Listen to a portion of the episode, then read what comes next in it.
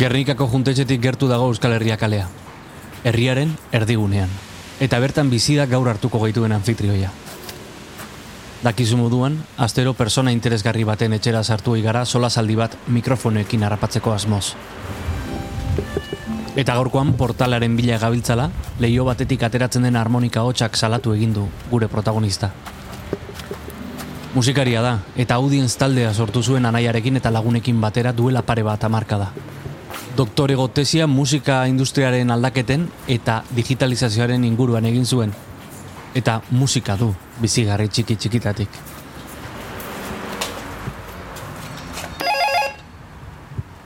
Oye, está. Bai. Opa.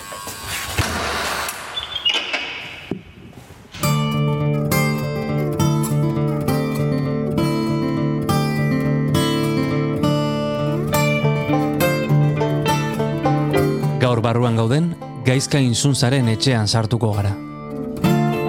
Asko esaten dut, ez da dauela, dauela toki bat, toki bat, non dauden ideia guztiak, abesti guztiak. Eta batzutan, batzutan, heldu egiten da. Nik badakiotena beste diskurso bat ekotena nik eta garatu duten instrumentu desberdina jotzen, da, nik, niri gustatzen zait pentsatzen instrumentuak eh, izaki bizidun bezala edo karakterra dekiena. Eta nik badakidana, agian lehen esan dutena den metafora honena hau da. Ez da, nik badakit instrumento bati denpora dedikatzen badiot, hau da, mimatzen badiot, harreman bat bezala da, berak itzuli egingo didala zerbait. Eta itzultzen didan hori dira abestiak. Eta badakit gitarra horrekin konposatuko dute zen abestiak, ez direla berdinak beste gitarra horrekin konposatuko dute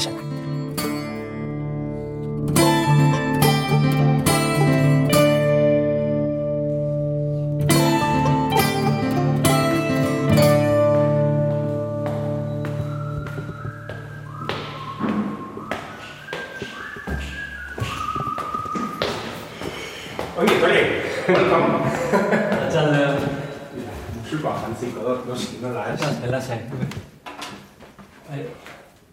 Kanpotik entzuten un harmonika ez zuten honen da. Ne, bai, ne, ne, noski baiet. Horrela. Bueno, bueno, bueno.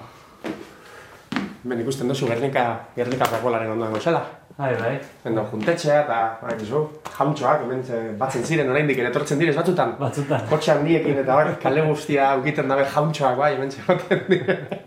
Bueno, erdigunean, ez? Erdi, erdian. Bai, bai, noski baietz, hemen txe Gernikako bide nagusian ere mendik azpiti pasatzen da, eta gainera nik dekot hemen audientzien lokala baita ere, Aha. e, dekot hemendik eun metrotara, izan ere zu momenturen baten gustoko badozun, Ba, joan gara. gaitezke paseo bat ematen da, vamos, eun metrotara da, eun metrotara dekot lokala. Estu, lokal estudio loko... Bueno, bai, lokala mm, aspaldian ikusi genduen ja audienz luserako joango zala, eta nitan era naia bizi ginen Bai. nire, nire gurasoek beki justo etxaren azpian olako lonja bat, eta lonja horretan egin genduen olako kubo txiki bat insonorizatu. Aha. Etxera sartu eta berehala, nabari da gaurko anfitrioia melomano hutsa dela. Etxea diskoz, vinilos, CDs betea baitu. Eta instrumentuz ere bai. Gitarrak, teklatuak, eta pianoak. Bi piano. Lanean hasi nintzenean, ni hasi nintzen lanean soinua ederren, eh, Bai. soinu eder badak, ez da logistika, espektakuloan soinua eta argia jartzen da bezen enpresa, bani, enpresa ere ikasi eta gero sareko ni sartu nintzen kontablea eta administratzailea eta izaten. Soinu ederren, eta nire lehenengo soldatarekin, con la fiebre de eBay, erosi nuen pianoa. eta, bueno, egonaz urte askotan pianoa izan da nire pianoa. Baina pianoa dau hain desafinatuta, eh, lehenengo aldiz, bueno, Londresetik ekarri behar izan zidaten. Tapa zabaldu eta jartzen du H, A, Hopday and Son, Carl Shelton. Eta gero, heldu zan etxera, eta deitu nien lehenengo bi afinatzaileri, eta etorri ziren, eta zan zidaten hau ezin dala afinatu. Hau ezin dala afinatu, eta azken etorri zan hirugarren afinatzaile bat, eta berak afinatu zidan, tono bat berago. Hau da, hau da, en si bemol. Hau da, do bat jotzen baduzu da si bemol, zeren bere sistema honek ez dugu aguantatzen nota originalen tentzinoa. Ostras. Eta horren dago, da kuriosoa, zen saxofoia ere jotzen dut, eta saxofoia dago en si bemol. Zu partitura bat irakurtzen duzunean saxofoian, do, si bemol emoten duzu. Bai. Odan, kurioso, kuriosoa da, zeren etxera atorten nintzen, eta saxofoiarekin jotzen badut do bat, benetan, si bemol bat dana, hemen ere do jotzen dut eta harmonikoa da. Aldeitu. Beraz, oso, oso kuriosa izan da, baina, begira zelan sonatzen da benone, eh? ze hau da, hau da, Tom Waitsek esaten da drunk pianos, afinatu behar izaten da urtean behin gutxienez, zeren desafinatu egiten da begira zelako soinua daikon.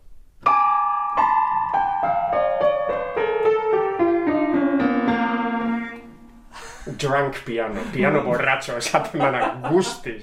Piano zarra gelatxo batean du gordea, oroitzapen gisa iaia, baina saloian beste piano bat du. Eta ura bai, ura afinatua dago. Bai. Eta bueno, ja gero zinen piano, hau, ja, hau, ja betirako, ez da? Hau, afina, hau afinatuta dago. Jo, honek sonatzen du dela hostia. Honek sonatzen du pasada bat, bueno, niretzako bintzat, ez da? A ver,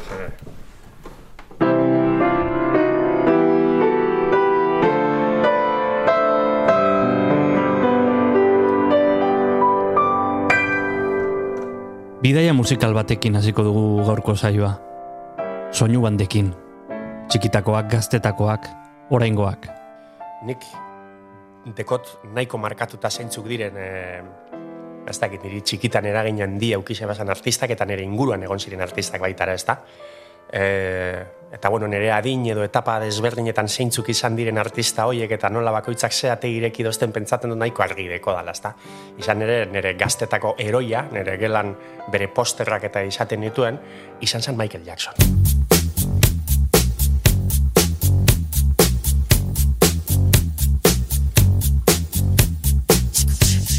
eta gero ikusi dut nire generazioko musikari bihurtu diren asko eta horrelako talde underground edo independiente asko osatu dugunok ba, gure eroia eh, ba, ikusi dut ba, nahiko aman komuna dela ba, Michael Jackson izatea ezta.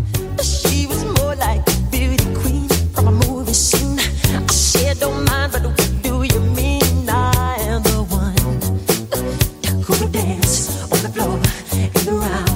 Edo zein kasutan, ba, nita nera nahiakin zen nire musika ibilbidean ezin dut nire nahia alde batera utzi, ez da biok ikasi dugu, biok entzun dugu musika batera, eta nire etxean, ba, desogan olako burruka bat, ez da? Zen nire nahiaren artista favoritoa San Paul McCartney, Hey Jude, don't make it bad. Take a sad song and make it better. Guretzat gure musika formazioan oso oso garrantzitsua izan da nire aita dala Beatlesen fan amorratu bat. Orduan nik adibidez Beatlesen diskografia dekot de serie. Bai? Eta gogoratzen dut dekot horrelako impresio bat ba, nire e, gurasoekin kotxean joan, bidaia bat egiten, eta nire aita jartzen zituen Beatlesen abestiak beti,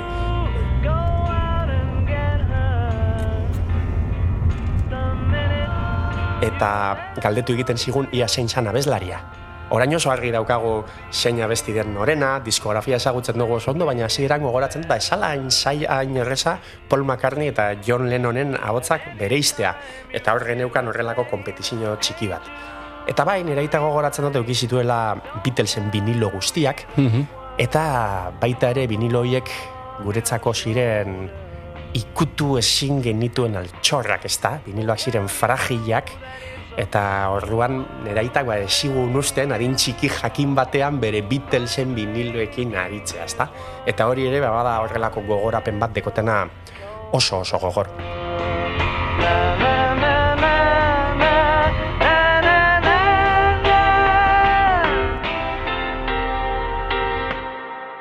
Behin etapa hori pasatuta, ba, badakit niri beste horrelako beste salto bat eragin zidan artista, e, eta baita ere oso tipikoa eta oso klasikoan ere generazioko kontutan hartun da, da Nirvana eta Kurt Cobain.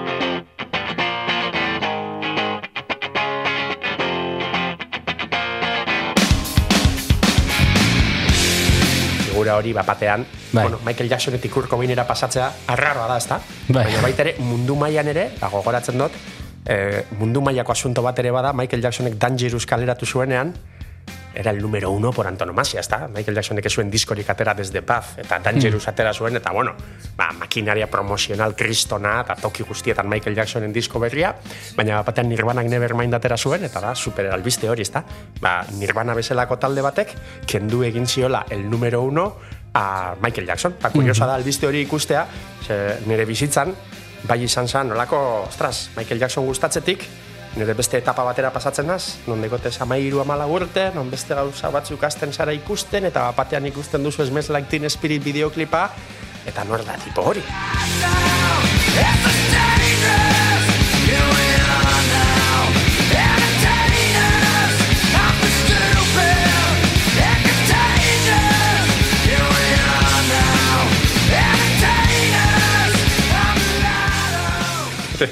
Nire logela, Michael Jacksonen posterrez beteta goteaz, Nirvanaren posterrez beteta gotera pasatu zen, ezta? Eta hor bidean, baita ere beste figura bat oso garrantzitsua izan zana, ni badakit David Bowie adibidez betidanik eh, gustatu izan zait. Eta hor badakit baita ere beste bi elementu jokatzen dutela nahiko garrantzia dekien, ezta bat, ba, nire gurasoak nahiko atatan, nahiko gogorapen dekotez gaztetan, pelikulak ikusten eramatea Bilbora. Eh, pelikula gainera, ba, laurogei garren amarkadokain beste pelikula klasikoak, ET, Star Wars, eh, ez dakit regreso al futuro, Los cazafantasmas, oi, guztiak zineman ikusi dutez nire gurasoekin, eta horietako bat izan zen dentro del laberinto. Ba, gogoratzen dut dentro del laberinto, eta figura bat agertzen dela, bala David Bowie, baina nik orduan ez nuen ezagutzen.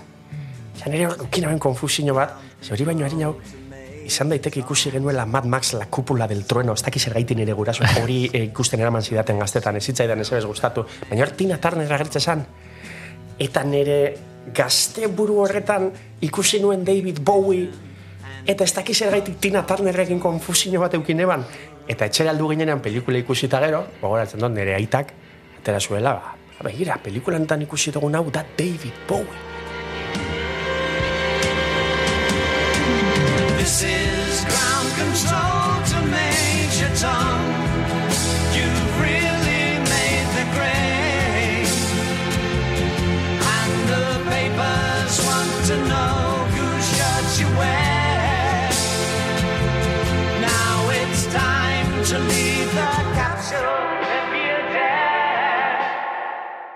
eta beste talde garrantzitsu bat ja institutuan bainera nahiari eta niri asko markatu ziguna, eta ja gitarra jotzen genuen eta biok saiatzen ginen apur bat, ba, imitatzen eta bar izan ziren deju eta Led Zeppelin.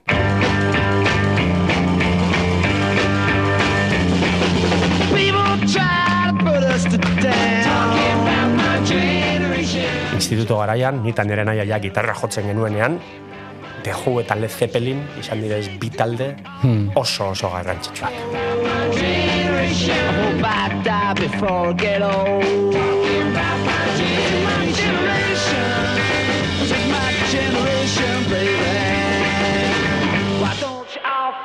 Kuriosoa da, ze dau ideia bat, audienz beti lotzen dugu musika amerikarrarekin. Lotzen da beti prentzan, eta izan ere jotzen ditugun instrumentuak, eta urteekin garatu dugun soinua guztiz ados nau. Baina gure bain nere eta nera nahiaren oinarri musikala entzun dituzun taldea kontutan izan da Inglaterran da. Hau da, aipatu dut Beatles, aipatu dut The Who, aipatu dut Led Zeppelin, eta aipatu dut David Bowie, aparte de Michael Jackson dala Amerikar bakarra, ez da? Baina zuen pronuntziazioa gehiago da Amerikar aldera jota, ez? Ez que nik Ameriketan bizi izan nintzen urte bete. Ni ama urterekin joan nintzen egiten exchange student, eh, Ameriketako instituto batera joan nintzen, Ameriketako familia batengana ezagutzen ez nuena bat ere ez. Eta nik egin hemen hemen deitzen dena tercero de bub, tercero de bub gure garaikoa, nik estatu batuetako high school instituto baten egin neban. Ostras. Beraz, bai horrek ere nik markatzen doztela apur bat, eta urte hori niretzat oso berezia da, ezta? Gainera ja gitarra jotzen nuen, gitarrarekin joan nintzen, han ikasi nuen, gogoratzen donean nahiak esan zidela gaizka, jarraitu horrela jotzen estatu batuetan eta etortzen zarenan talde bat egingo dugu. Eta etorri ginenean, ni ama sei urterekin egin genuen ortosik taldea. Aha. Eta urte horretan bertan, laro gaita debutatu genuen hemen arispen, lehenengo kontzertua hemen gernikako areto txiki batean.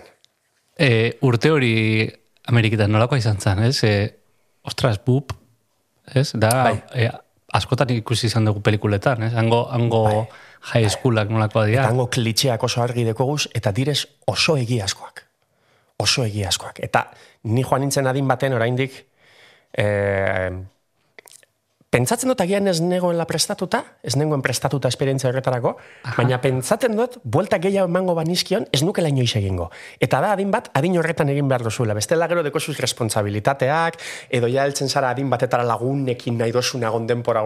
Ez dakit, pentsatzen dut, hori dala adin bat, zeinetan oraindik ikasketak, ba, ez dakit, Bai. ingelesa ikasteko eta esperientzia berri bat eukiteko gustot hori dala adina. Naiz eta orain ikusten dutez, ama urteko gazteak eta esaten dut, ni adin horrekin joan nintzen bakarrik amarri jabete estatu batuetara inor ezagutu barik. Eta nola, nola intzen hori? Bueno, badauz enpresak dedikatzen direla horretara, ezta? Baina zan, e- erabakia zurea izan zen, ala, nor- ala izan zen... Ez, erabakia nire guraso gogoratzen dut baskari batean proposatu egin zidatela, baina horrela gainetik. Nik estekot gogorapenik, benetan erabaki honek niregan erreflexiorik eukibanek. Hau da, izan zen baskari baten, gaizka, su animatuko. Ni pentsatzen dut bere gurasokaren, edo beti uki dutela ideia nik kultura amerikanoa eta pelikulekin eta zerbait, zerbait ikusi zuten hor.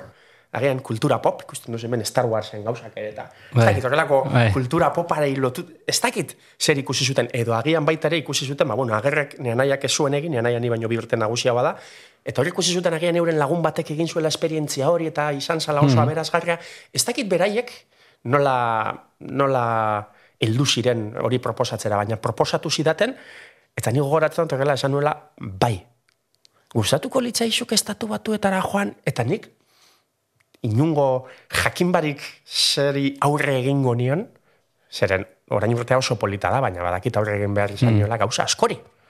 Eh? Gauza askori. Urte bete oso bat da, eta bertan amabost urte nituen, nire bizitzako parte handi, handi, handi bat. Hortara ni joan, eh, eta lehen gora itzulita, jai eskulak, ez? Hemen, hemen asko ezagutu ditugu mm, filmetan, telesaietan, klitxe horietara joan da, zu zintzinan, klaseko nor zinan. El extranjero. Baina nik gauza asko nintzen, eh? Aran, eh, kontatuko dotzut ni egon nintzela herri txiki baten, ze, estatu batuak ero oso zabalak di, ez ez da berdina joata Kaliforniara, edo ni egon nintzen Ohioan. Eta Ohioko herri txiki batean, Ohioko kapitala da Columbus. Adibidez, anekdota bat, ez da klasean esaten zuen irakaslea, ¿Quién descubrió América? Eta ikasle bat izaten da. Christopher Columbus. Eta ni, mala hostia. Christopher Columbus. Eta Cristobal Colón. Da Christopher Columbus. Eta Columbus entzuten duzunean, Columbus hiriburua, Colón, da, por el, claro, Colonek deskubritu zuen, eta da Columbus, eta nik geratzen nintzen flipauta, baina zer esaten dute, hauen, Christopher Columbus. Ba, bueno, lako, zan, bos mila biztanleko herri txiki bat, Aha. denak txuriak, Bai. eh? Nola izan azun herriak? West Jefferson. bai. Eta zegoen, ba, Columbus da kapitala. Irin, iribiren buru nagusiako jaien direz Cleveland. eh? Cleveland da holan eh, Ezaguna, gehien, bai. eh, ezagunena, ez da. Columbus ez da hain ezaguna, baina bakit Columbus asko daudela. Eta, eta bueno, ba, institutua bosteun ikasleko institutu bat. Eta klitxe horiek ikusi ditugunak, el capitán del equipo de fútbol. Hortxe dago el capitán del equipo de fútbol. Eh, La, la, las animadoras... Popularrak, Hortxe, dauz, hombre, bai, bai. Eta popularra ez izatea, da sama oso oso handia. Nik bizi izan ditut egoerak zeinetan nire institutoko lagun batek ba esaten zuen, joe, jarraitzen badugu honela tratatzen gure lagun Brian egunen baten pistola batekin etorriko da eta denok akatuko gaitu. Olako esaldiak. Edo nire institutora kukusklanak gutun bat bidali zuela. Eta horrelako anekdota asko, estatu batuetako gizarteari lotutakoak, bai, badekotez, eta irabazle eta galtzaien kategoria hoiek popular, no popular, oso gogorra da. Eta esango dutut institutuan pilo bat jente dauela, dagoena desiratzen institutua bukatzea. Zeren da oso kompetitiboa. Estatu batuetako gizartea, ja ez lan, lan eremuaren mailan baizik eta institutuan baita ere. Begira zelako lehiakorrak diren estatu batuetan, nire institutuan gertatu zan olako anekdota oso bere kurioso bat, ezta? Ikusten duzu telebistan nola graduatzen direnean ikasle batek txarla bat emoten dugu eta denak sombreritoak Bai. bai. botaten duten, ezta? Bai. Bueno, ba, nik horretan parte hartu nuen. E, ikurriña bat eman nion, institutoko zuzendariari, berak niri diploma eman zidanean, pentsatzen dut institutoko gimnasioan dago ikurriña, ez da? Eta gertatzen da, diskurso hori emoten da bena da el número uno de la clase. Ostras, ostras. Claro, da el número uno de la clase. Ordan, nire institutuan, el número uno san oso, popular, eh, oso impopularra. Eta el número dos san tipo bat oso popularra sana. El número dos pentsatzen zuen, berak merezi zuela klaseko lehenengo izatea. E, orduan, ikasle guztioi esan zigun, txalorik ez emotea. Lehenengoari diskursoa botatzen duenean. Ba, lehenengoak diskursoa bota zuen, eta ikasle gehienek esioten txalorik egin, eta gurasoak atzeko aldean eseltzen direla, ba, bai eman zizkioten txaloa. Baina kompetentzia maia errabertara heltzen da. Ni egonaz klase batean, amabost ikasle gaudenak. Zeina gutako amalauek egin genuen azterketa harinoko egunean, eta azterketaren emaitza guztiak genezkien, testak izaten dira normalen estatu batuetan, Bai. Geixorik zegoen ikaslea gure ondoan egon zan, urrengo egunean egin zuen azterketa, azterketa berdina zan, eta irakaslea joan egin zan gelatik. Egoera hori hemen ez deu kuadratzen, ez da? Ez zure buruan, ez entzule buruan, ez da? Ez deu kuadratzen. Ikasle bat azterketa egiten, beste malau ikaslerekin azterketa horren emaitza denok dakigu, eta irakaslea badoa ordu bete osoaz. Eta egoeraren, egoera, surrealistena da, inok esiola eser esan ikasle horri erantzunak zeintzu diren. Zergaiti da hori. Zeren, hain kompetitiboa da, e, sistema, e, eskuntza sistema, badakizu, pribatua dala, unibertsitatea oso garestia da, beraz, momentu horretan, klasean geunden ama bostoiek, bat asan el tercero de la klasea, beste al quinto, beste al séptimo, beste al octavo. Eta zazpigarrena izateak, emoten dutxu eskubidea, beka batzuk lortzeko, sortzigarrena izateak, ez tekonak. Orduan beraien artean, badakite nordan bosgarrena, nordan zeigarrena, etengabe dakizu. Ostras. Etengabe dakizu nordan el último de la clase. Etengabe, hori, hori hortik doana, hori, da el último de la clase. Eta hori hortik doana da el primero de la clase. Da oso klasifikatuta da mundu guztia. Orduan, kompetentzia maila horrek egiten deu ikasleen artean ez dagoela ni deituko diot kolaborazioa, edo kopiatzea nahi baduz. Baina Ameriketan cheat hitza, dala kopiar, dau oso txalto ikus, ikusita. Hmm. Beraz, kopiatzen baduzu, eta nik adibidez, nire laguna zan gainera azterketa hori egin zuena, nirbana entzuten genuen biok batera kotxean. Bai. Eta eh, nire berak galdetu ere zidan egin, berak ere oso asumituta dauka inok ez diola ezer esango. Denok dekozu asumituta konpetitzen zaudela. Amabost urterekin. Izan ere, e, institutoko graduazioa baino lehen, e, eto, egoten da horrelako zeremonia bat, zeinetan ikasle bakoitzari, ematen zaizkion, berak irabazi dituen bekak, edo unibertsitate pribatuak ematen dituen bekak. Beka hoiek, isladatzen diez, zuk saman gainean eramaten dutuzun kordel edo soka batzuk bezala. Eta kolore ezberdinak ditu. Beraz hori da, eh, horrelako militarrek daramaten medaiak bezala, ez da? Bai. Graduazioaren egunean kolore askotako sokak dituena, da ikasle ona, ditu beka asko. Sokarik ez daramanak, da ikasle txarra, soldado raso. Ordan, dau gizartea hain klasifikatuta, eta nire urterekin gauza guzti hoietaz, konturatzen nintzen, baina ez ni ezin nuen reflexionatuta, ezin nuen kokatu ondo apur bat diagnostiko bat egiteko, eta gizarten konparateketa bat egiteko. Izan ere, ni ere momentu horretan kompetitzen negoen. Ni ere oso sartunda negoen. Nik ere popularra nahi nuen izan. Nik ere nahi nuen, eta saltzen zara horrelako dinamika baten, eta ateratzen zarean esaten duzu, madre mia, zelako dinamikan sartu dozte, gizarte Amerika honetan, eta bere baloreak asumitu egin dotez asko, eta kompetentzia guzti horretan, ba, parte, parte, izan nintzen. Zema kordel eramantzen ditu, eh? Nik justo parte horretan, ni, ni graduatu nintzen, baina, em, karo, ni joan nintzen tercero de bupe egitera. Baina gero ikasketak hemen saiagoak dienez, gomendatu zizkidaten kou dan horretako irakasgaiak hartzea. Beraz, ni egon nintzen, ni baina urte bete nagusiagokoekin. Beraz, niri eman zidaten diploma bat, sala holan eh, esan benetako diploma bat, zen nik ez nuen kou egin. Baina nik bizi izan nuen ez, esperientzia kouekoekin, eta nire klasekideak denak zirenez, graduatzen zirenak, ba, pakto bat egin zan, eta denen laguna egin nintzelez, ba, denek esan zuten gaizkari ere egingo diogu diploma honorifiko bat. Eta ordan utzi zidaten esperientzia hori bizitzen. Utzi zidaten graduazioa bizitzen, eh, kouekoekin, naiz eta nik irugarren maila egin. Beraz, ni ez nintzen beka hoietan sartu. Baina adibidez bai jaso nuen eh, eh, gutun bat de las Fuerzas Armadas de los Estados Unidos soldaduzkara joateko. Nik hor, bisa bat eukin nuen Ah, bai, urte eh? beterako, beraz hor momentu horretan izango nintzen, beraien listetan agertuko nintzen como ciudadano, eta etorri ziren nire familiakoen etxera bi militar de uniforme niri proposatzen armadara joatea. Eta esan zenuen ez ez. Ez, ez. Bestela egian ezkinak hemen egongo. eh? Euskalo, euskalo nure gongo nintzen. Aipatu dugu Ameriketako edo estatu batuetako kasuntan gauza txarra, ez? E, kompetibidadea, e, dana pribatua da, e, babes gutxi dezu, Bai, eta gauza ona. jo, asko, niri eh, bai, ez dakit kontra esanetan sartu beharko naz, ez da, gauza horietan. Ze, bueno, ez daukagu zalantzarik, nola eh, estatuatuetan dauz musikari honenak, esan aldot, eh, zientzialari oso honak, eta beraien eredu kompetitibo honek, emaitzak, depende nola neurtzen duzu zen emaitzak, eta depende badakit batzutan prozesua ere garrantzitsua da, eta ez bakarrik emaitzara heltzea. Baina ikusten dugu, ba, estatu batuek, e, lortzen dituztela emaitza onak, eta gero, ba, ez dakit, gero gizarte bezala analizatzen dozu zenean gauzak, ni badakit gizarte Amerikarra niretzako erresa da baita ere horrela diana baten jartzea, eta da, ba, ez dakit, ideologia neoliberalaren adibide bat, eta superficialitatearen adibidea baita, edo gaur egun dagoen gizarte mediatiko eta kultura pop honen gaiurra, eta hortik etorri diez hemen, ez dakit, superficialak diren gauza asko ikusten dugu zenean, ba, estatu batu eta pentsatzen dugu, ezta?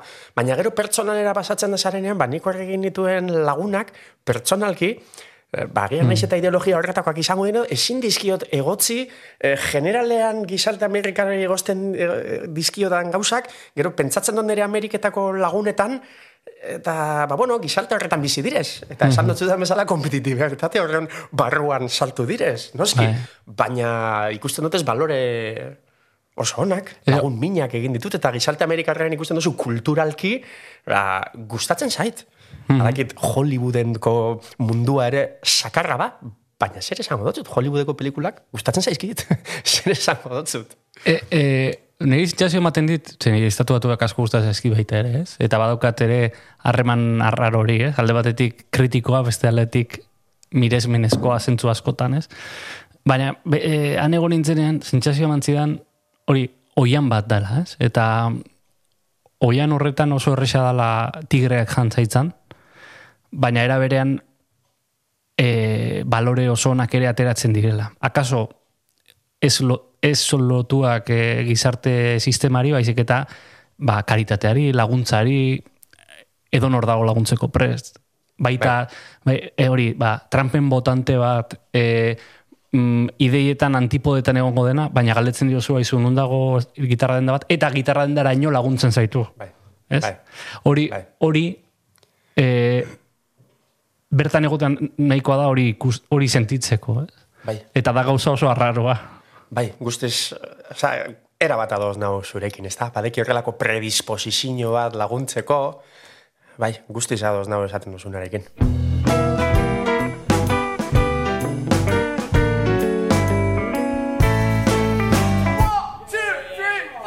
E, musika aipatu dugu, nik audienz diskurritu nuen lehenengo lanarekin, ez?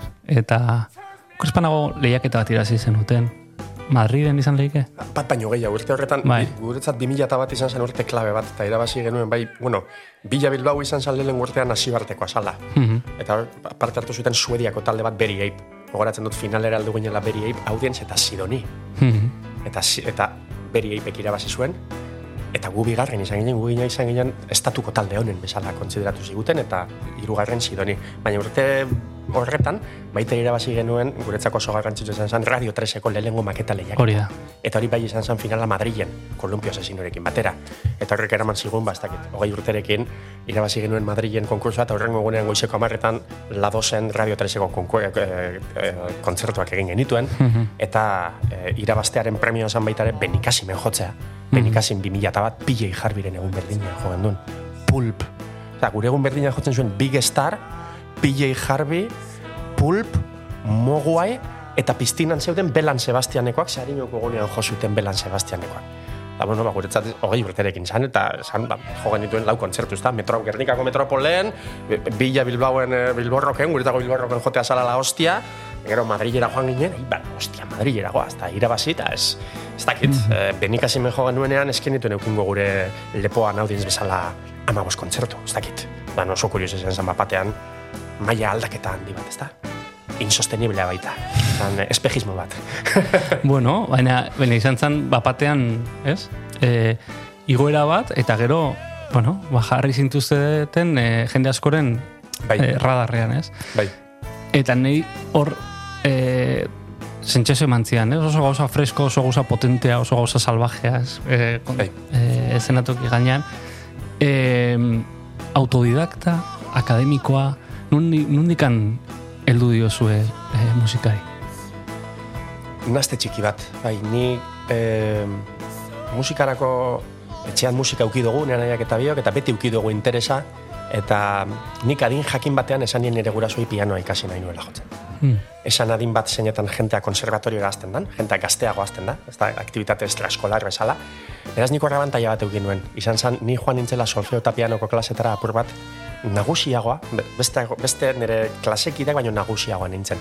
Orduan, niretzako irakasleak ematen zuten azalpenak batzutan apur bat infantilak ziren, asko errepikatzen zuten, ez dakit, pentagrama jartzen zuenean esaten zuen, el pentagrama eta pixu bakoitza es la casa de las notas, y cuanto más arriba vive en la casa, pues, Olako metaforak niretzako ja, ba, nire klasekideak ziren, baino lau bost urte gazteagoak, ez dakit, obligatuta, beha garaina, ez da, segingo dugu semearekin, ba, konservatorian sartuko dugu.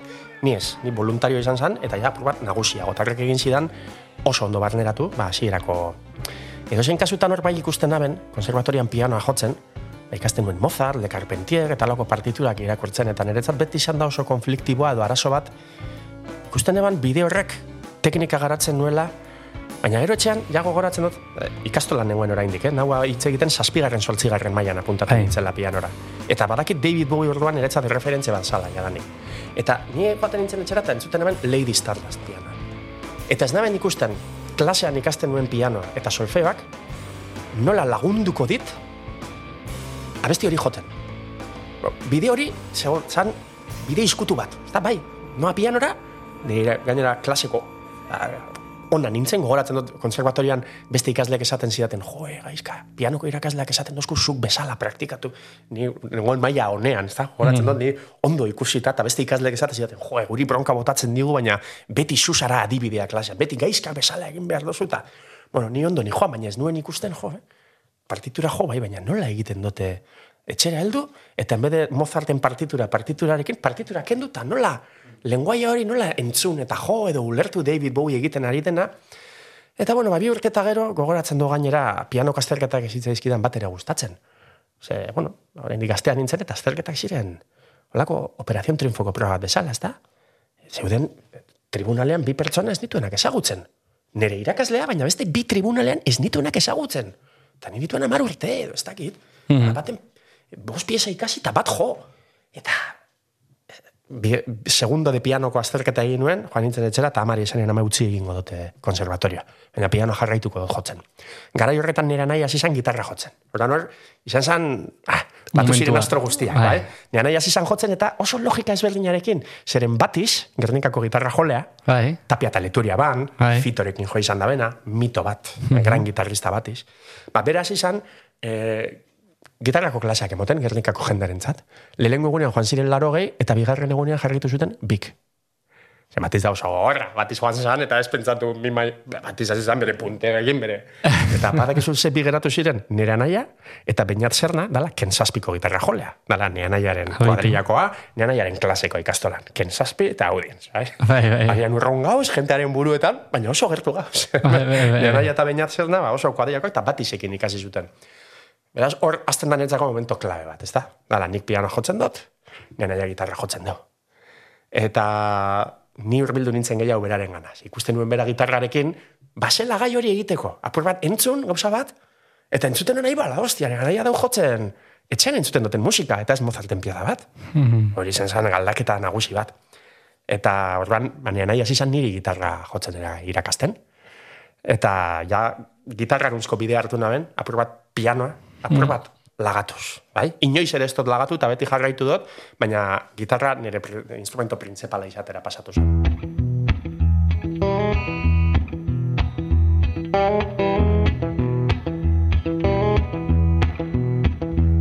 There's a man, he wakes up every morning. No matter if it's sunny or it rains. Takes his fiddle, stands by the highway. No one seems to really care. Errokaren lenguaia aipatuta, e, Jose Rasen perenak esaten zigun, sentsazioa zuela Beatles eta gero entzuten zuen guztia Beatles. Zela, ez? Edo Beatlesera eramaten ziola.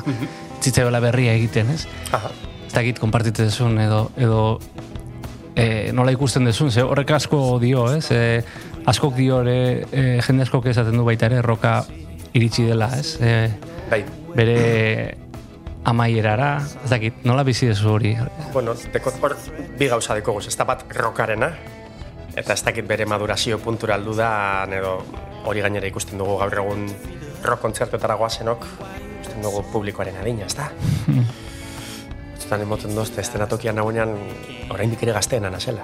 Ikusten dut, ikusten dut gure publikoa eta orokorrean publiko nagusi bat da, eta ez dakit, agian beste rock talde batzuen gana joango direz gazteak ikusten, baina orokorrean gure kontzertara nahiko gazte gutxi. Hor bila badau reggaetoia, trapa eta musika urbanoak ez dakit jadanik gazteengan influentzia hori euki daben, eta ez dakit, diskurso, diskursoaren alorrean oso kuriosa da zen ziklikoki emoten den gauza bat, ez da? Nire gurasoek ba, beti dozte, juge, Eta ekarri zuen mariner batek eh, Beatlesen disko bat, eta La Casa Social vinilo bat zegoen, eta batean gure lagun bat, ba, itxasoan eta goten zena, hasi zan dantzan gure ondoan. Eta guk esken dantzan egiten, eta hori guretzako zen pekatua. Eta hori, ba, gure gurasoek esaten zuten roka zela pekatua. Baina ez dut hori nahi berlina, eta zan reggaetoia eta estilo horiek, edo elektronika bere egotzi zaio, ba, olako, ez dakit, rock and rollari ere egotzi zitzaion bere garaian drogekin erlazioa, eta ideia batzuekin erlazioa, eta bueno, Beraz, gau, diskurso horietan beti ibiltzen az kontuz, kontuz, ezta? Eh, Beatlesen inguruan.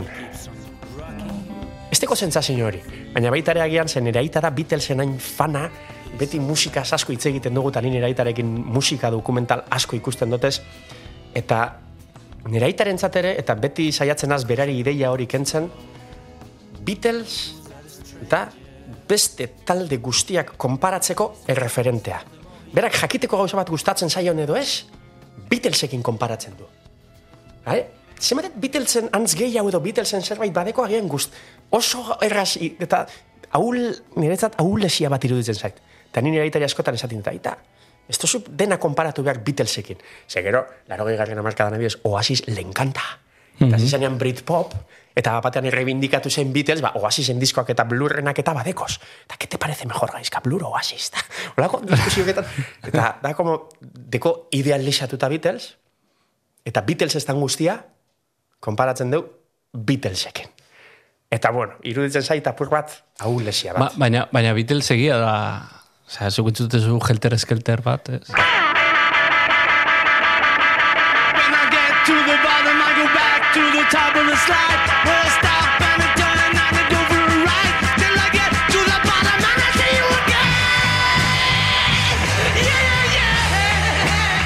Eta zentezu, osea, hau, garai hartako eh, oso... Bai.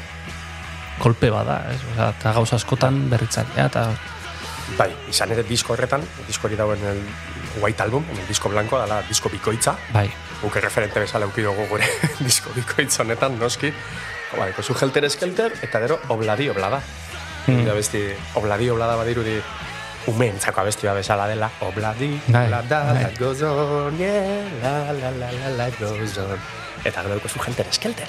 Dala, abesti horrelako basati bat, batzuk esaten dute dela, eh, lehengo heavy abestia, edo metal, edo rock duro, hard rock lehengo abestia, esaten dute helter eskelter dala. Eta ere, zen lehenengo abesti psikodelikoa, Tomorrow Never Knows, egin zutela Cinta Rebels, Revolver diskoan. Badekoz gauza asko, baina bueno, ez dakit, ez dakit agian oso ondo argudiatzen, baina ados badakit ez nagoela, horrekin. Ados ez nago, eta hori dekotela Beatles, nire talde guztiz erreferenteetako bat, eh? bere diskografia ezagutzen dut, oso, oso, oso ondo ez bakarri diskografia, beraien liburuak, bai, nik eta aitak irakurri dugu zenak, beraien arteko ikamikak, beraien arteko dokumentalak, eh, bai, gauz, eh, gauz nahiko sartuta Beatlesen munduan, eta naiz eta izan nire talde gogokoenetako bat, gehien entzun dutezenetakoa diskografia guztiz ezagutzen dutena, ideia hori, ba, ez nuke, ez nuke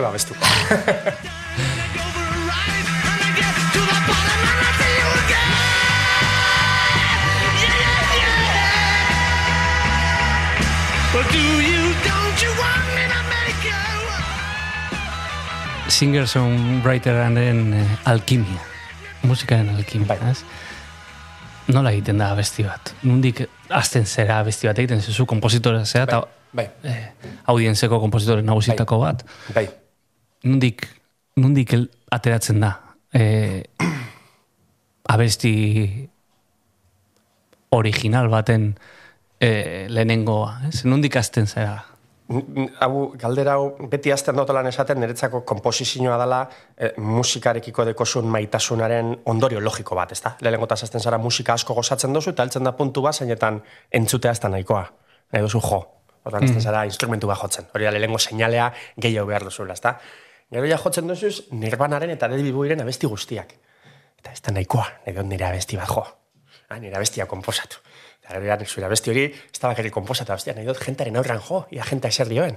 Eta gero nahi dut grabatu, eta gero nahi dut publikatu, ezta? Da, prozesu musikarekiko maitasunaren prozesu baten ondorioa da. Egia da, zikeran, ba, agian, dekosula gogo gehiegi abesti bat egiteko. Oso kondizionatuta zauz. Eta hasieran bihurtzen da zerbait oso excepzionala. Abesti bat komposatu dut, eta bestia komposatzeko ah, gertatu ziren pilo bat gauza. Eta ez dakit. E, ez zegoen nire rutinetan. Ez neukan rutinarik abestiak komposatzeko. Baizik eta zerbait excepzionala zan. Eta hori gertatzen zanean, ba, ez dakit, gogoratzen du, ba, etxean nire nahiaren gana joatek gaizka, ager, akorde hauek dekotez. Gainera, hasieran komposatzen dozunean zerbait ez da ideia orokor bat, baizik eta oso gauza txiki bat, non nire nahiak lagundu behar zidan, Bai. anotere izan da nire sozio oso garrantzitsu bat audien zen, hmm. ideia bat neukan eta zureganako konfiantza askorik estekozunez behar dozu zure kidearen aprobazioa. Eta horrela beste asko egin genituen, nik zati hau dekot, nik beste hau dekot, ostia gustatzen zai zurea, ostia gustatzen zai zurea, eta biok egiten du abesti bat, eta biok gau ziu, ziurrago, zeren, bale, zuri gustatu zaizu nerea, niri zurea gustatzen zait, nerea zurearen parte da, eta nire zatia zurearen parte da. Eta gero hasten zara, ni hasi nintzen, beste modu batera konposatzen dut. Eta ja, nire rutinak lortu dutez, ez da? Zein di- zein dira rutinak? Zein? Zein dira rutina? Niretzat rutina da hor esertzea. Horretxean dekoten toki horretan pianoan esertzea eta gitarra jotzea. Lehen ere rutino hori ba neukan, baina ez, nein, ez nuen kontrolatzen, eh, ez nuen, nik orain badakit, denbora bat dedikatzen badiot, eh, eh, badakit esfortzu baten ondorioa dela. Lehen ez nuen ikusten konposaketa bat esfortzu baten ondorio bezala. Baizik eta zerbait, kasualitate bezala etortzen sana. Ez, ez, ez nintzen konsienten nire lanaren ondorio zala, ez da? Edo beste lan bat bezala. Egia da, eh, kreazioaren honetan, jenteak dekola txarto ikusita, rutinak, ez da? Zeren, Einsteinek esaten zuen bezala, si tu haces el mismo proceso, siempre vas a llegar al mismo resultado. Eta, orduan, bat, batzutan, zure prozesuak aldatu behar duzu, edo zalantzan jarri behar duzu nola egiten duzu zen abestiak.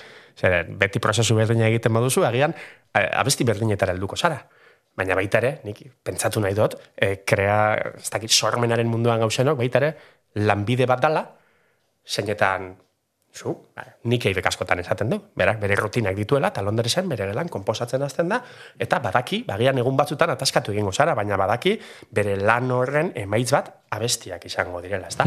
Eta baita ere oraindik gertatzen da, e, dauela momentu bat, momentu hori dala defini ezina, dala ideia bat heltzen zaizun momentua. Eta askotan, askotan izaten da, akatz bat, zauz, joten, eta momentu hori, eta nik uste dut, mm, sormenera bideratutakoak dekoguna da, momentu hori kaptatzen jakitea. Nik gerota gehiago, gerota hobeto kaptatzen dut momentu hori.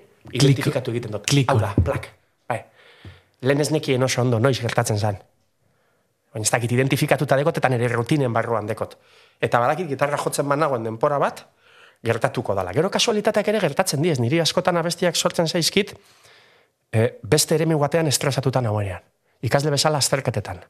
Ikasten nengoen etxean, deskantzatzeko gitarra hartzen nuen, eta en ese momento placentero de deskantzatzen nau beste gauza batetik eta gitarra hartu dut, ideia bat sortu zait. Eta ja ideia hori ezin dut alde batera utzi. Así que ja ikasketak alde batera uzten dituen eta bestia konposatzen arratsalde guztia. Orain ere gertatzen zait, lanean estresa dekotenean, edo nauen burua dekotenean gauza batekin ez dana musika, eta deskantzatzeko hor esertzen nazenean, Bai. plak, aipala, ostia. Ni ezin dut pianoa utzi. Baina ezin dut, ezin dut. Gertatu zitzaidan baita ere, hemen ensaiatzen nengoen etxean gitarra akustikarekin e, Bilboko kontzerturako, nire disko berria, eta niretzat kontzertu garrantzitsua zen, Bai. eta bapatean, akatz bat egin nuen, eta zuen, ah, aibala, ostia, hau, hau, hau da, hau, hau, hemen abesti bat dau. Eta ez nuen ensaiatu. Ko- Atzoki kontzertua zen abesti bat sortu zitzaidan, eta hori ezin zaizu joan. Momentu hori bai Harrapatu behar da. duzu, Harrapatu eta behar momentu hori harrapatu behar da. Galdu egiten da, eh? Bai, baina nik badakit nahi, osea, momentu hori, em, agian da momentu hori dala, em, ez dakizu noiz helduko dan, baina jadanik, orain, esperientzarekin badakit heldu egingo zaidala. Badakit heldu, ja ez da, ez, ez dut pentsatzen, ostras, ez dut inoiz konposatuko. Eh, badakit bai helduko zaidala. Ez que, badakit lanaren ondorio bat dala. A- Arraroa da, ze la menor eta mi menorren arteko e, e, progresio batek, kom, kombinazio batek, ez du berdin sonatzen. Aha, Klik egiten duenean, edo, Bai. edo bai. edo ba, edo zein momentutan, ez? Momentu baten diferente sonatzen du, eta Bai. etortzen dizu... Eh, Bai, guzti zadoz. Hori da, Bai, guzti eta dago zerbait ezin da. eh, Bai, bai, badago elementu bat ezin dena definitu, ezta? Hori da. Bai. Ez dakit. Eta gainera, bueno, ni oso dokumentalen eta musikarien elkarrizketak eta asko entzuten dut, ez da, bueno, asko esaten dut, ez da, Keith Richardsek esaten dut dala bere gitarra dela horrelako antena bat, jainkoaren seinalea jasotzen dut, eta bera dela kontenedor bat. asko esaten dut, ez da, dauela, dauela toki bat, toki bat, non dauden ideia guztiak, abesti guztiak. Eta batzutan, batzutan, heldu egiten da. Nik badakiotena beste diskurso bat ekotena nik eta garatu duten instrumentu desberdina jotzen, da, nik, niri gustatzen zait pentsatzen instrumentuak eh, izaki bizidu bezala edo karakterrarekiena. Eta nik badakidana, agian lehen esan dutena den metafora honena, hau da, ez da, nik badakit instrumento bati denpora dedikatzen badiot, hau da, mimatzen badiot, harreman bat bezala da, berak itzuli egingo didala zerbait. Eta itzultzen didan hori dira abestiak. Eta badakit gitarra horrekin konposatuko dutesen abestiak, ez direla berdinak beste gitarra horrekin konposatuko dutesenak. Eta, ba, eta pianoarekin konposatutako abestiak desberdinak dira, ez da nere burua, ez da klabea. Nik ez teko mente bat desberdina bestetatik. Baizik eta hor, beraiek batzutan emon egiten dozti. Eta ni prestego behar naz jasotzeko.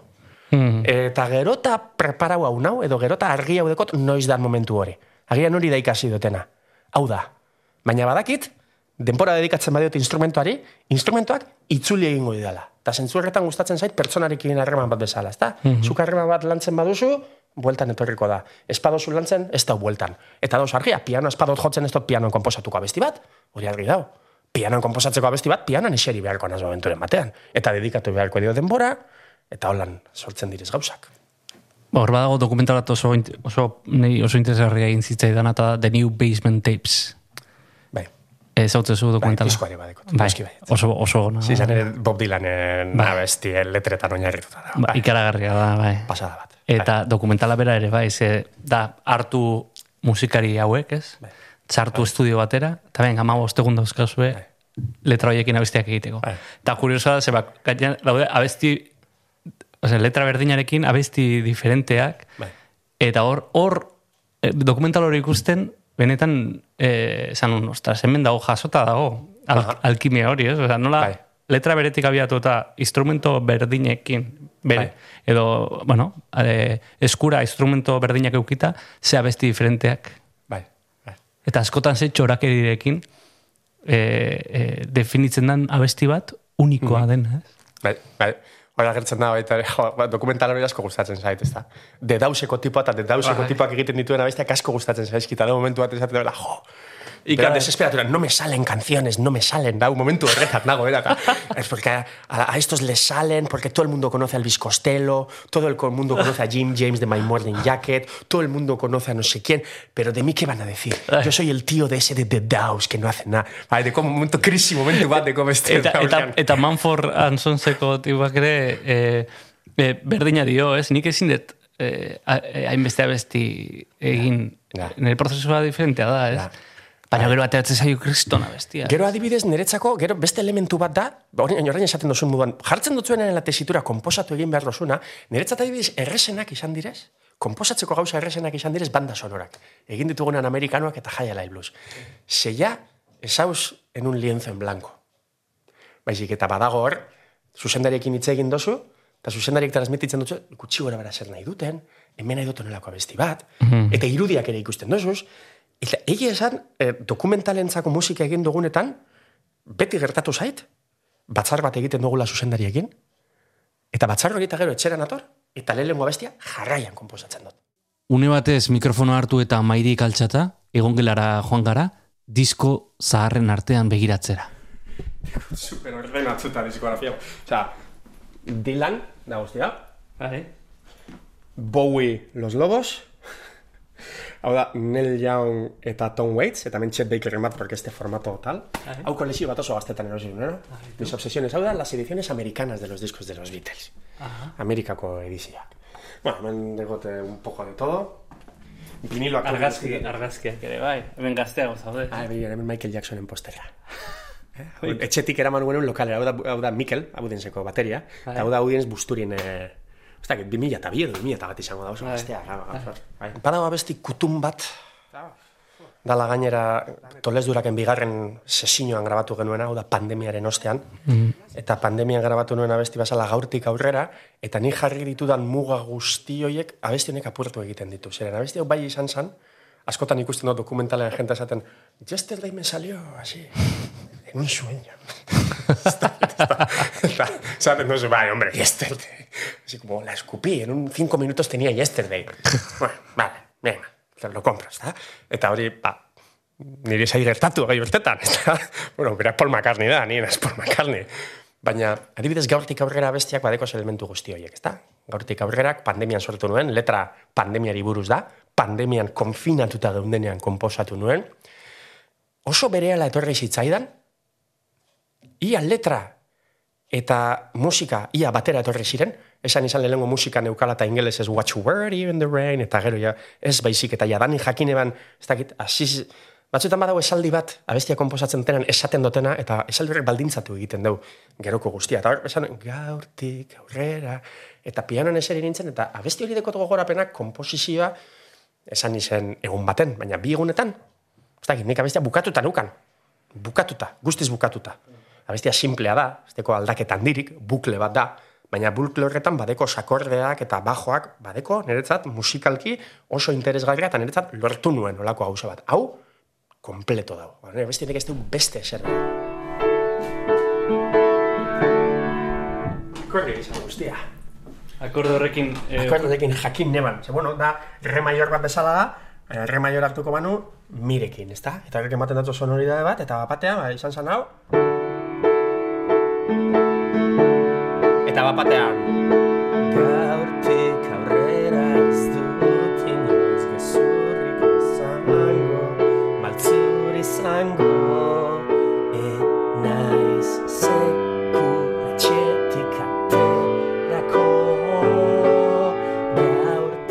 Eta gero grabatzerako orduan, beste hori grabatu dugu, bostok batera, eta instrumento oso bereziak erabiliz. Seguk askotan egiten dugu grabatu batera, baina askotan egiten dugu bajo bateria, bi gitarra eta teklatua. Vale, oso ondo dago. Baina pedal estila da oso instrumento berezi bat zuzenean grabatzeko afinazio aldetik komplikatua da. Eta pianoa, piano akustikoa zuzenean grabatzen baduzu pi, bateriaren gelan, hor, dinamika gauzak dauz, ez da, orokorrean instrumento akustiko bat, bateria bezalako batekin eta baju bat gela berdinean, ezin da zuzenean grabatu. Ba, grabatu genuen, geunden, bateria garateko areto nagusian. Bai. Bajua ondoan garateko areto nagusian. Nera naia pedal estila jotzen zuzenean garateko areto nagusian, eta nik garateko estudian piano akustikoa jotzen. Eta Ruben, kontrolean teklatua jotzen. Gaurtik aurrera ez dut inoiz gezurrik izango Maltzur izango E naiz sekulatxetik aterako Baina ez, galdetu genion kaki, kaki posible da, abestia da nahiko leuna, eta bateriak enu edo jain, eta nahiko leuna da. Posible ikusten duzu abestia ondo dakigu, denok sartzea, eta piano akustikoarekin zuzenean, eta pedal estila zuzenean, eta nik entzuten dut abesti hori, eta niretzako magia. Zer, badakin nola komposatu nuen, baliokidetasun bat dago esaten dutena, bizi diren nuen garaia, e, gustora geratu nintzen, eta gero, grabazioan, baita ere, eman ziren elementu guzti horiek, ba, harin grabatu genuela, oso giro honean, eta niretzat, ba, magia dauka.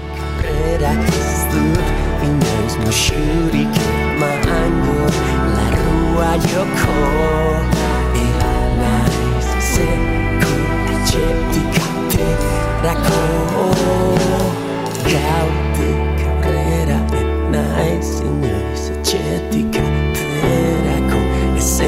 Ezertarako E naiz sekula ni neu izango Estudio aipatuta ez, hor badago beste fase bat abestietan oso interesgarria da dena, eta da kongelatzen denean abestia ez. Aha, bai, Grabatzen denean. Hor dago zerbait, bakizu hori ja betirako hor dago ez. bai, bai, Abestia definitzen da definitiboki. bai, Eta, eta da entregaren aurreko fasea, ez? bai. Ni, nei horrek ere, eta hori, The, the New Basement Tipsen ere hor, horrek e, piztu zidan, ez? Joder, erabaki batzuk hartu behar dituzu, Bai. eterno, eternitatearekin jolastea bezala. Bai. Zan edete saxofoia sartu, ala ez sartu, Bai. ala ez, eta betirako eh, agian abesti hori bihurtuko da popularra, betirako, ez, hemendik Bai. urtera entzungo dute tabernetan, eta zuk hartutako erabaki horiek daude horrez. Bai, bai.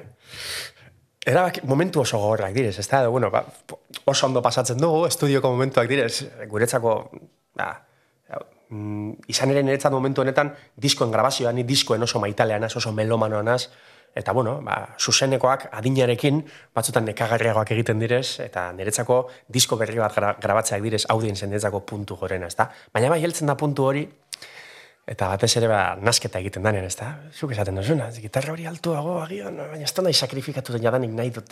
Ez da, toma hau gustatzen zait. Edo toma aukeratzerako maita. Hiru toma egiten dozuz, Ah, hori eta da. toma honek deko akats txiki hau, baina besteak deko hau, eta... Eta de repente toma batek badauka zerbait ezin dena definitu, baina Bai. funtzionatzen du. Bai, bai, hori da, magia, esaten dana magia, ez da, funtzionatzen dugu. Akatz bat deko, baina, bai, hor, badakigu, badakigu grabazio kultura ezberdinak daudela. Badago grabazio kultura bat, dala, dana perfecto jotea eta protulsarekin, klaketarekin, eta bombo guztiak berdin, eta bombo honek sonatzen dugu ondoen, eta bombo guztiak kopiatu, gu ez gara bat ere horren adoz. Gu gara, gure ez apenas editatzen dugu, bombo bat ez dugu mugitzen, eh? Gure bomboak horre monda dauz. Txarto badau, txarto dau. Baina ez, gure bomboak ez diez mugitzen. Eta gure gitarrak ez direz mugitzen. Eta nahi badugu espasaigu gustatzen toma gure erabakia da. Gure erabakia da. Berriro goaz aretora jotzera, edo nekin geratzen gara. Ze badaki goazten bagara mugitzen gauzak, teknikoak askotan egiten dutzu, eh? Zu taldean zauz, zer egingo dugu, jo? Eta teknikoak egiten dutzu, te mueve un bombo, pu, escúchalo ahora. Jaltzen dutzu eta, eta, eh, no, no, no, no, de eso nada. Gu ez, ez, ez, ez, ez, ez. Ni mover bombo ni hostia. Ba, baina horregatik zaudete kakirekin. Zan Bai. hori da kakiren eskola ere bai, Bai. eta garateko eskola, ez? Bai. Eh, esan nahi dut. Baina pasatu gara beste eskola batzutatik, ezta? Segu, joan ginenean garabatzen lehenengo aldiz, gaztetan, hortosik taldea egin genuenean, eta laro gehieta mazazpi urtean edo, Lorentzora joan ginen, eta lehenengo bidek zoazenean grabatzen ez dakizu grabatzen. Tortan, teknikoak esaten dotzuna, egiten dozu, eta pentsatzen dozu horrela grabatzen dala.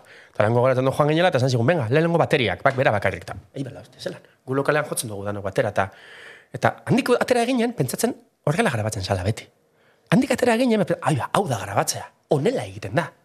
Bateria grabatzen da lehengo, gero bajua, eta gero azten zara zure lagunei gainera saltzen, zu ze pentsatzen duzu. Beatlese grabatzen zutela batera. Bit, lehengo, eta gero konturatzen zara esetz. Ai, bala, hostia, ba ez? Hori da kultura bat, laro garren aparka da, baina justo gu lehenko aldiz joan ginenan estudio profesional batetara horrela egiten zanez, asumitzen duzu horrela grabatzen dala. Eta gero, denporarekin ikusten duzu, denporarekin ikusten duzu grabazio kultura ezberdinak dauzela. Eta depende zer nahi duzun kaptatu eta zelakoa nahi duzun zure produktua izatea, ba, grabazio prozesu ezberdinak dauzela. Eta hor hartu genuen gure erabakia. Ba, gero ikusi genuen, ba, guk ere, ni gainera esango dut beste gauza bat. Ez non nahi izan oso, eh, badirut, badirudi, ideologikoki nahi dutela prozesu horrela izatea. Bada horrela, baina baita ere esango dut ni baita ere resultadista nazela. Niri gehiago gustatzen zait emaitza denok batera jotzen dugunean, banan-banan jotzen dugunean, gero dena batu, editatuta ez dakiz zer, hor dago elementu bat, nik entzuten dutena hori abesti hori, eta ez dut gure burua identifikatuta sentitzen. Oda, ni resultadista naz. Ni ez nago esaten sakrifikatu behar dozu gauza bat, eta horrela batera jotzen duzu. Ez, hobeto sonatzen deu. Emaitza hobea da denok batera jota. Behintzat audientzen. Emaitza hobea lortzen dugu. Et, eta hor dago, ez, estuderrakin grabatzea dena ere, bai? Bai. Esan nahi dut, hor gehiago da, zertara behartzen zaituen horrek, Hori da, sistema bera baino, ez? hori da. Eta Hori da. horrek behartzen zaitu toma ona rapatzea, Bai. Eh, magia hori topatzea, Bai. ez fabrikatzea gero, ez? Bai, horreko zu metafora nik uste musikarekin igual jentak teknologia ez asko ezagutzen, baina ez dakit bi argazkilari, ez da? Eta bi argazkilarik nahi dute egun senti baten argazki bat. Eta argazkilari bat, egun aukeratzen deu, lekura joan da pilo bat alditan, momentu egoki hartzen deu, eta deko argazki bat, ba, hainbeste lan horreduren ondorioa, benetako argazki bat, momentuan gertatzen dena. Beste argazkilari bat joan daiteke, edo ze momentutan argazki bat atera, eta gero ordenagailuan Photoshop erabilita, tonoak aldatu, emaitzan ez tozu nabarituko desberdintasuna. Edo bai. Edo bai, agian bai. Baina igual formatuta ez dagoen norbaiteri engainatu aldotzazu. Baina, bueno, prozesua oso oso ezberdina da, ez da? Zer da berazgarriagoa? Ba, egun senti bat eh, nahi baduzu argazki atera. Ba, benetako egun senti bat argazki ateratzea, ezta. Eta ez argatzaldean atera argazki bat, eta gero bilatuko dut el tono rojizo, edo gero egingo dut, eraz, musikan, ba, igual jenteak ez dakit hain ulertzen dabe, baina Photoshop egiteko aukerak, dauz, melodinearekin, bombo bat hartu eta errepikatu, sampleoak, bukleak egin, hainbeste dago, ezta? Eta laberinto horretan sartzen basara, ba, batzutan, izan ere gure batzutan hanka sartu dugu, eta sartu gara laberinto horretan. Eta salimos eskaldaos. Ez dugu nahi laberinto horretan pausu bat ere eman. Eta zuk esaten duzuna, aukeratzea sintan grabatzeak, egiten dutzu, begira, ja, aukera hau hartu duzu. Kamara analogiko bat dekozu, ja ezin duzu Photoshop erabili. Hori da. Grabatzen duzuna da sonatzen da bena, beraz, jadanik prozesua asko aldatzen da, eta erabaki hartze prozesua baita ere ba asko aldatzen da. Bai, jo, komposatzerako orduan be, eta abestiak ateratzerako orduan niri gustatzen zait pilo bat Brian Wilson, iruditzen dut kriston talentoa dekola, Beach Boyseko liderra ezta. Eta horretu God Only Knows abestia, atera nintzen, saiatzen eh, ateratzen zeintzu diren akordeak, banekin tonalidade maior batekin hasten zela, baina ez nuen, ez nuen aurkitzen, zein zan nota, badakit, variazio txiki bat zeukala edo zerbait dago hor, ez nuen alortzen ba, berak bezala egitea, ezta. Hor, internetara joan behar izan nintzen, eta ikusi zein akorderekin hasten zan, eta hor, desberdintasun bakarra zan, ba, re maior bat onela badan, eta orokorrean oinarria da nota, ba, berak oinarria jartzen zuen la, Eta orduan sonoritatea oso desberdina da, eta ja hortik abiatuta ja beste beste guztia, ezta? I may not always love you. Belong other up, stars above you. The world could show nothing to me. Gaizka inzuntzak musika maite du. Pasioz maite ere. Eta nabari zaio hitz egiteko eran. Abesteko moduan. Without you. God only knows what. God only knows. God only knows what I'd be without you.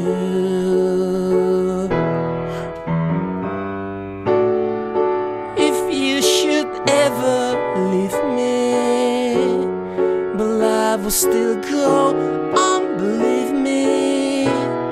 The world could show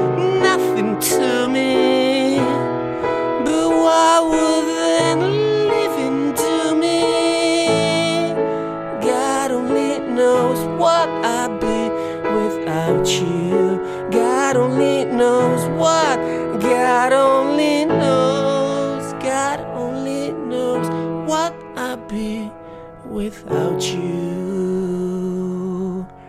Pam, pam, pam, pam, pam, pam, pam, pam, pam, pam.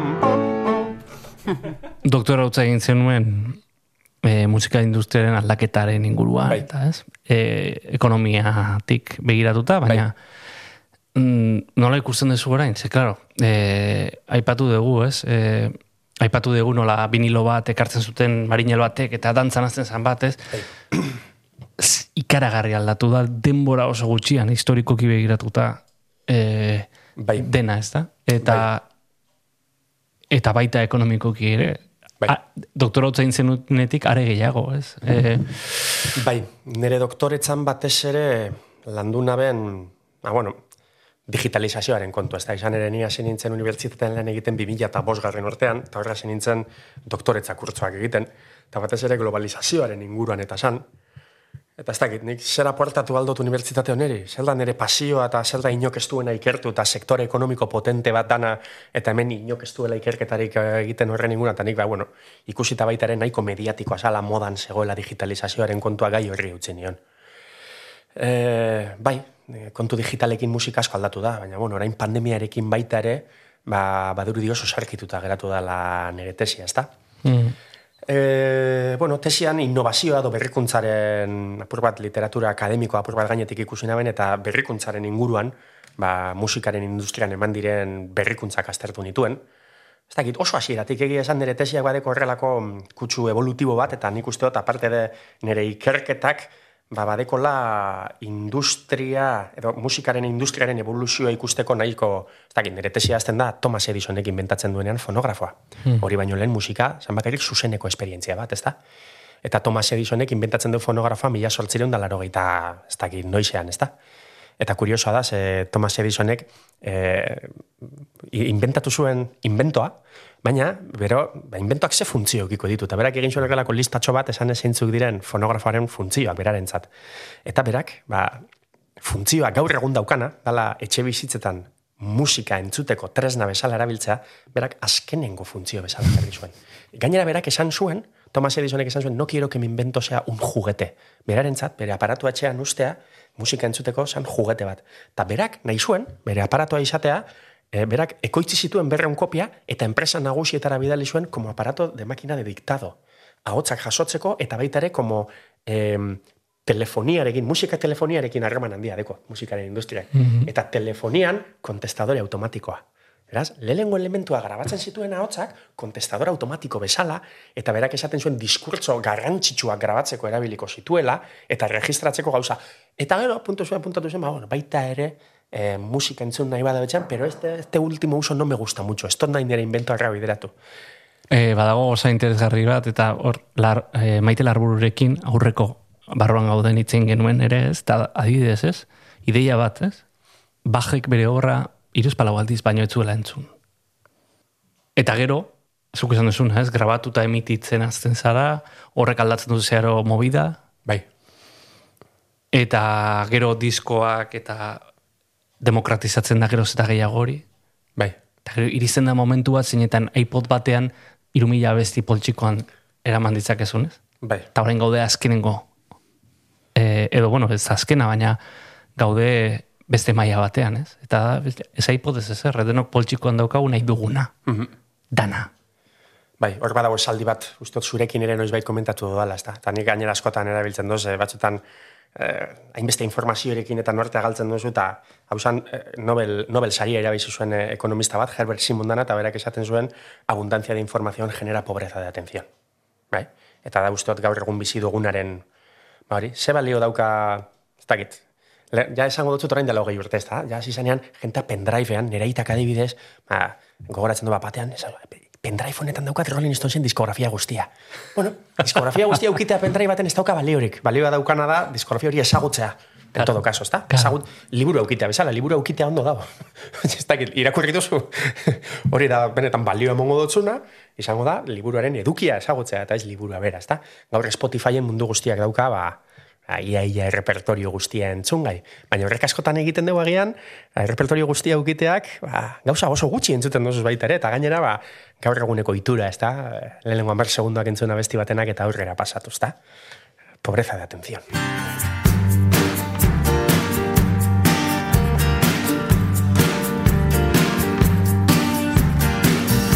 Worried man with a worried mind. No one in front of me nothing behind. There's a woman on my lap and she's drinking champagne.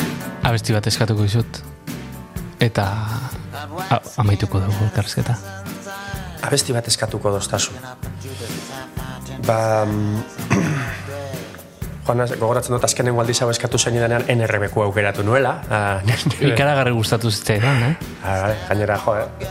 Da, esfortzu bat suposatzen da benean talde batek, gero gehiago gustatzen zaizu. Eta ni egonez igual amar urte bere diskoen bila. Mm. Eskatalogatuta da, oso saiak diren lortzeko, ez direz reeditatzen, ordan, joia bat esala daten errebekuren eh, disko bat lortzea, da? Eta lortzen duzunean bat, da horrelako duzu postasun bat, ez da? Ba, bueno, aukeratuko dut nire beste kutxun, ez da Bob Dylan. Eta aukeratuko dut abesti bat, berak eh, bere kontzertuak azteko aukeratzen du, hasi que ere imaginatzen dut gustatzen saiola. Oscar bat irabazi zuen abesti honengatik, eta gainera pandemia garaian usteot, ba, letrak badaukala olako, ez dakit, eh, badatu ora kuento, esaten den bezala, da, things have changed.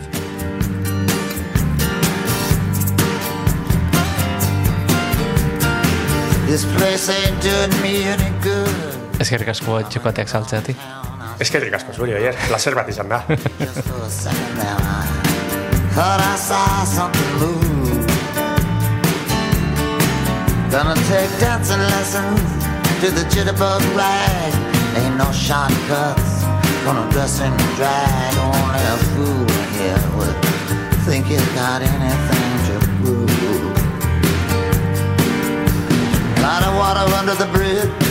Lot of other stuff too. Don't get up, gentlemen, I'm only passing through. People are crazy, times are strange. I'm locked in tight, I'm out of range. I used to care, but things have changed.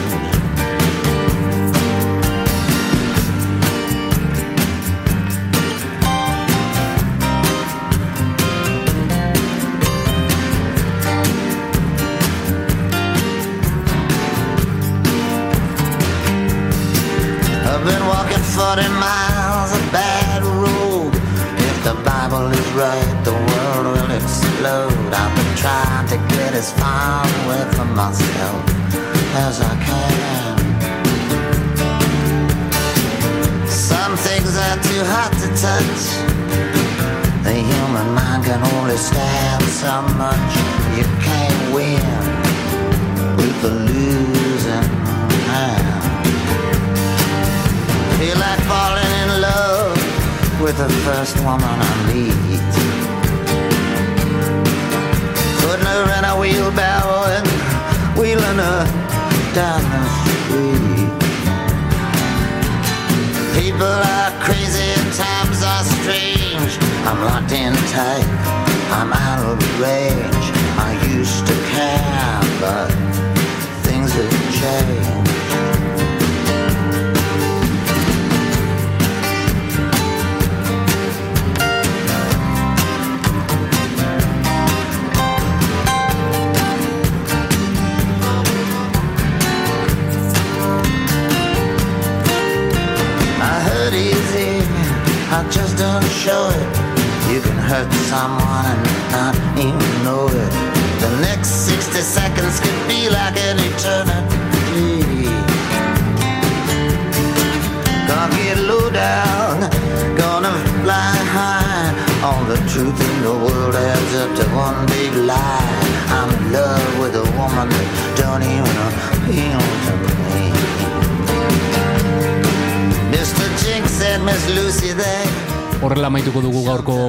podcastak, gaizka inzunzaren etxetik atera, eta beste norabait eginda, goratu astero-astero, persona interesgarri baten etxean sartu, eta solasaldi bat ekartzen dizugula audio plataformetara, bertan arpiditu zaitezke, eta Twitterren ere jarraitu gaitzakezu, abildua barruan gaude kontuan. Alaber, gogoratu Juan González Andrés, gure lankide eta lagunak, estamos dentro, saio honen siamesa egiten duela, gaztelaniaz, eta gura ere, topatu dezakezuela, audio plataformetan eta sare sozialetan. Besarkada bat, eta hurren arte.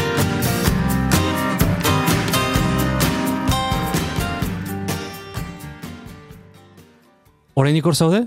Ba sorte du nazu. Ze gaizka inzunzarekin audienzen kobazulara joan eta abesti bat jotzeko eskatu diogu. Venga, ba, joko duten abestia... Eh, da, Charlie Richen abesti bat, ah, kostatu zaite artistaren izena. Charlie Rich, eta... mm, Abestia asko gustatzen jat baita ere orain Kurt Bailek atara daben azkenengo diskoan, bueno, botelirin, noin dela urte pare bateko edo irukoa izango da jadanik, ba, ez dakit, abesti honen bertsia egiten du. Asko gustatu zitzaidan eh, Kurt Bail ikustea Charlie Richen e, bertsino bat egiten. Eta abestiak hitz egiten du, bai aldu zarela adin batera berrogoi urtekoa, non zure lagun guztiak jaldatu egin direz, eta bizitza konfortable bat daramate, edo seme alabak dituzte, eta zuk ikusten duzu zure burua oraindik rock and rolla maite dozula, oraindik ez zula seme alabarik, eta oraindik hortxe jarraitzen duzula eh, kalean bueltak ez da. Hauxe da beraz.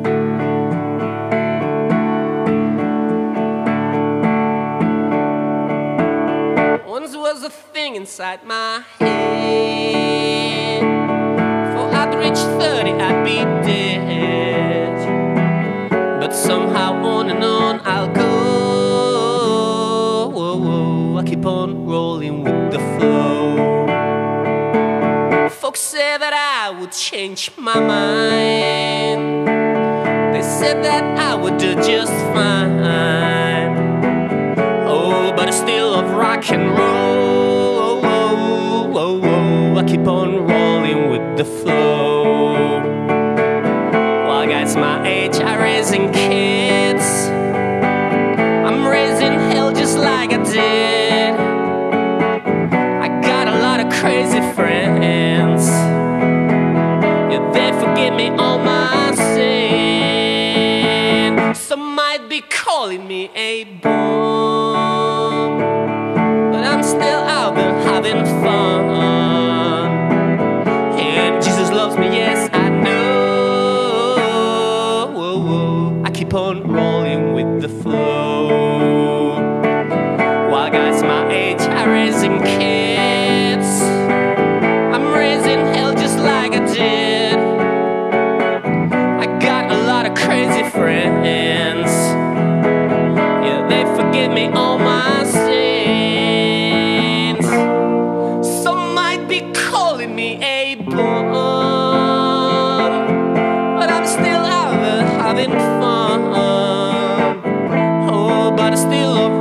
Roll.